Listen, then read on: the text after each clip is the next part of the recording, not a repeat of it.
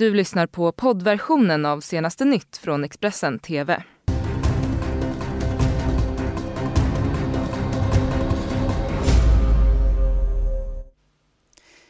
Men god morgon och mycket varmt välkommen hit till våra sändningar här i Expressen TV denna måndag med mig Anna Hedenstam. Det här är våra toppnyheter just nu. Trumps räddningspaket för coronakrisen stoppades i senaten. Löfven i sitt tal till nationen. Regeringen kommer att fatta de beslut som krävs för att skydda liv. Och män drabbas hårdare än kvinnor av covid-19-viruset. Och, eh, ja, vi börjar där i USA och i senaten eh, där man i natt stoppade Donald Trumps eh, virusstödpaket på 2 000 miljarder dollar. Omröstningen slutade 47-47 i ett läge där det krävdes 60 ja-röster för att paketet skulle gå igenom, det rapporterar flera amerikanska medier. Enligt Demokraternas minoritetsledare Chuck Schumer så fanns stora brister i förslaget, bland annat att det gynnade företag snarare än sjukvården. Och Republikanernas gruppledare Mitch McConnell menar att Demokraternas stopp för förslaget är en kalldusch för ekonomin. Well, here we are, Mr. President. The eyes of the nation are on the Senate. But tonight, Senate Democrats blocked coronavirus relief from moving forward. Republican and Democratic senators just spent days collaborating on a bipartisan way, in a bipartisan way, with these working groups that we set up. Democratic ideas were incorporated, major changes were made at their request. But today, the Speaker of the House back in town after taking a week off and poured cold water on the whole bipartisan process. Och eh, president Donald Trump utlyste på söndagen nödläge i delstaterna Washington och i New York och eh, inom kort kommer även Kaliforniens begäran att godkännas, rapporterar TT. Nästan 17 000 personer har nu bekräftats smittade i New York, vilket är fler än i såväl Frankrike som Sydkorea. Och nu vädjar eh, guvernör Cuomo om militärhjälp för att bygga provisoriska sjukhus i delstaten. I'm requesting today from the federal government that the Army Corps immediately proceed to erect temporary hospitals. I went out yesterday, I surveyed the sites. Uh, there are several good options that give us regional coverage. A, an Army Corps temporary hospital at Stony Brook, which is on Long Island, Westbury, which is on Long Island, Westchester, where we have that uh, terrible cluster, which is, uh, thank goodness, uh, reducing. And the Javits Center, which is a very large convention center in Manhattan, in New York, and New York City is obviously where we have the highest number of cases. Uh, the, I met with the Army Corps. They've reviewed these sites. I approve it. Uh, I approve it on behalf of the state of New York, and now we just have to get it done and get it done quickly. Och vi lämnar eh, USA och går till Sverige där ju statsminister Stefan Löfven höll ett historiskt eh, tal till nationen under söndagskvällen och i det så underströk han att det svenska samhället står starkt i kampen mot det nya coronaviruset och han sa också att han förstår att många människor nu känner oro. Jag vet att många är oroliga. Oroliga för hur vårt samhälle ska klara av det. Orolig för dig själv för någon du älskar som tillhör en riskgrupp eller för att ditt jobb ska försvinna. Jag förstår det. De närmaste månaderna kommer att bli påfrestande, men vårt samhälle är starkt. Våra myndigheter sliter dag och natt. Personal inom vården, skolan och många, många andra människor med viktiga yrken håller uppe vårt land.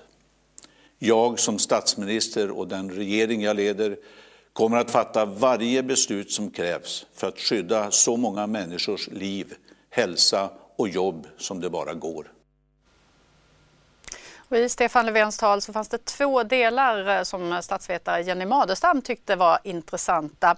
Både att även statsministern måste följa myndigheternas råd och att Löfven flaggade för nya restriktioner ungefär vad jag hade förväntat mig, det vill säga en vädjan till eh, alla oss i Sverige att vi ska lyssna på myndigheterna. Han sa ju till och med att det måste även han göra.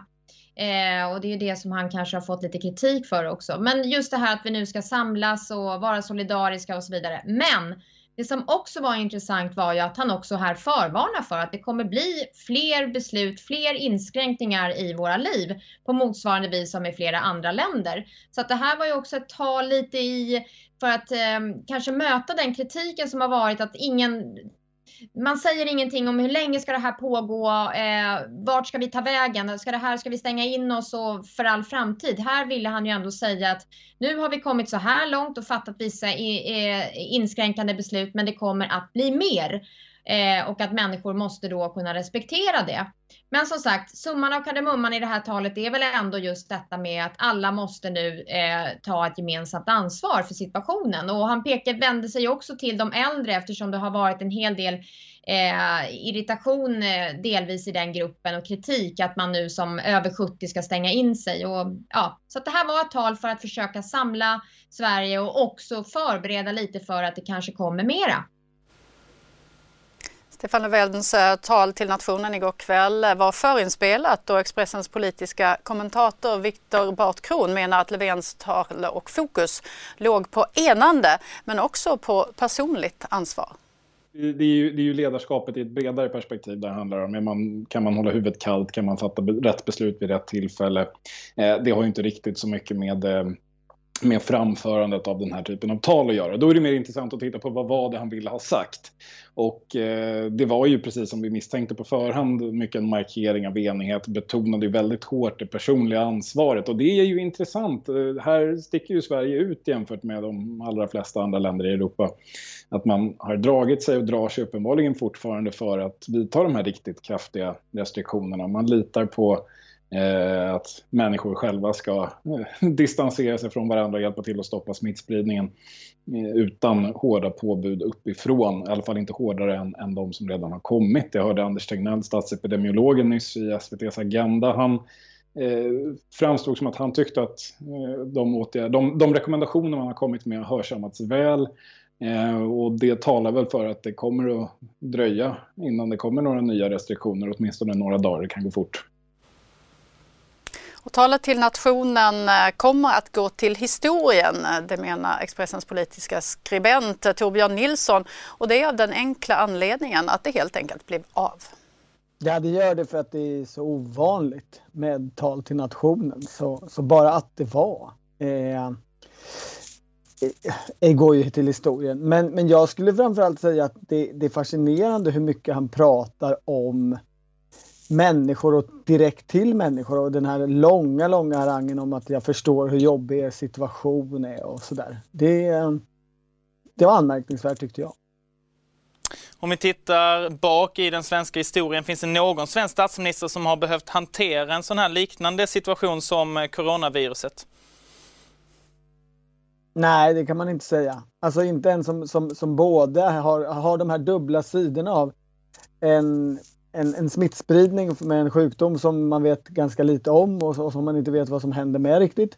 Och, en, och ett stora ekonomiska risker samtidigt. Det har ju, har ju många eh, konstaterat att, att det, det är liksom exceptionellt. Tal till nationen har ju, har ju funnits tidigare. Eh, men men eh, det har ju aldrig varit en, en utbredd tradition i Sverige.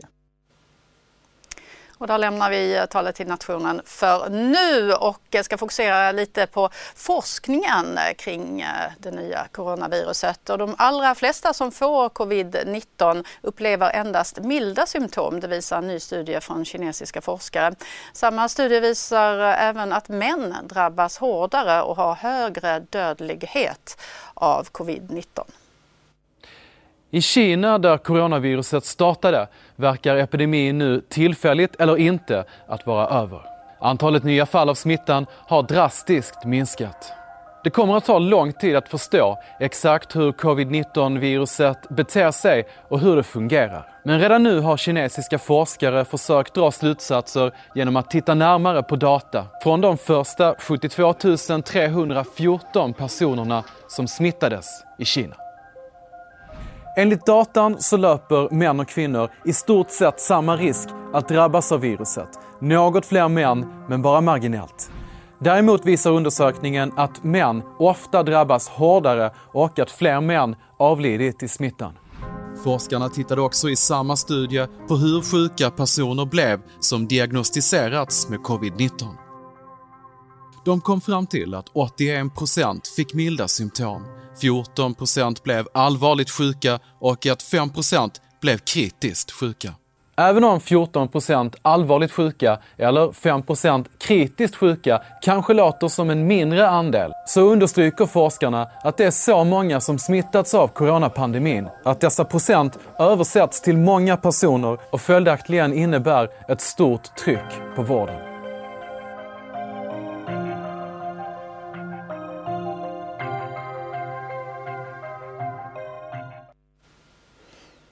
Och Italien har ju blivit Europas epicentrum för coronaviruset och mer än 5 000 människors liv har skördats eh, där till följd av eh, smittan. Vår partnerkanal CNN har pratat med läkare Angelo Pan som jobbar på ett sjukhus i eh, Cremona i norra Italien. Han säger att det inte finns tillräckligt med platser på intensivvårdsavdelningen där och att läkarna själva nu börjat insjukna. The front line of Europe's battle against the coronavirus with its soldiers in a race against time that is so far being lost. Northern Italian hospitals like this one in Cremona already creaking under the strain.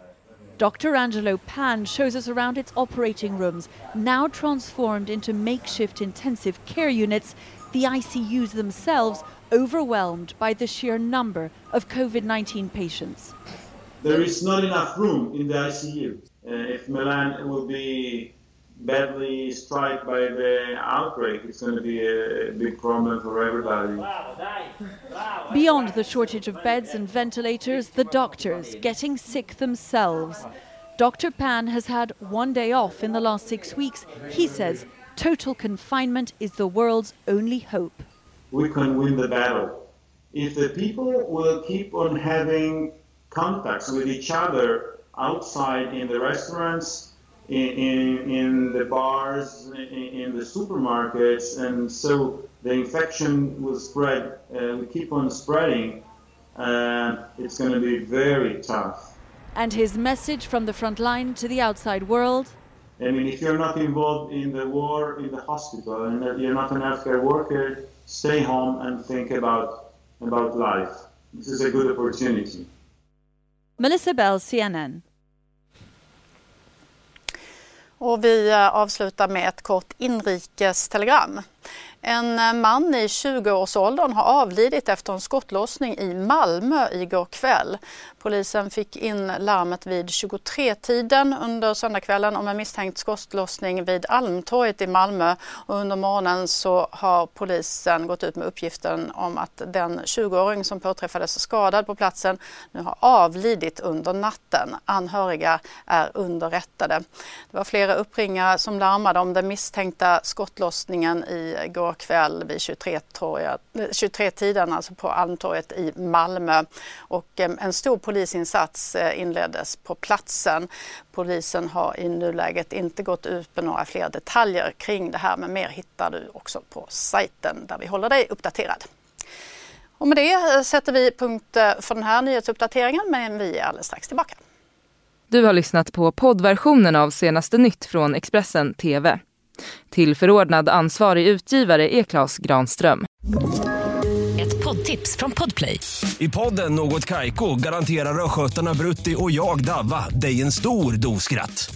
Där följer jag pladask för köttätandet igen. Man är lite som en jävla vampyr. Man har fått lite blodsmak och då måste man ha mer. Udda spaningar, fängslande anekdoter och en och annan arg rant. Jag måste ha mitt kaffe på morgonen för annars är jag ingen trevlig människa. Då är du ingen trevlig människa, punkt. Något Kaiko, hör du på Podplay. Därför är gardinerna.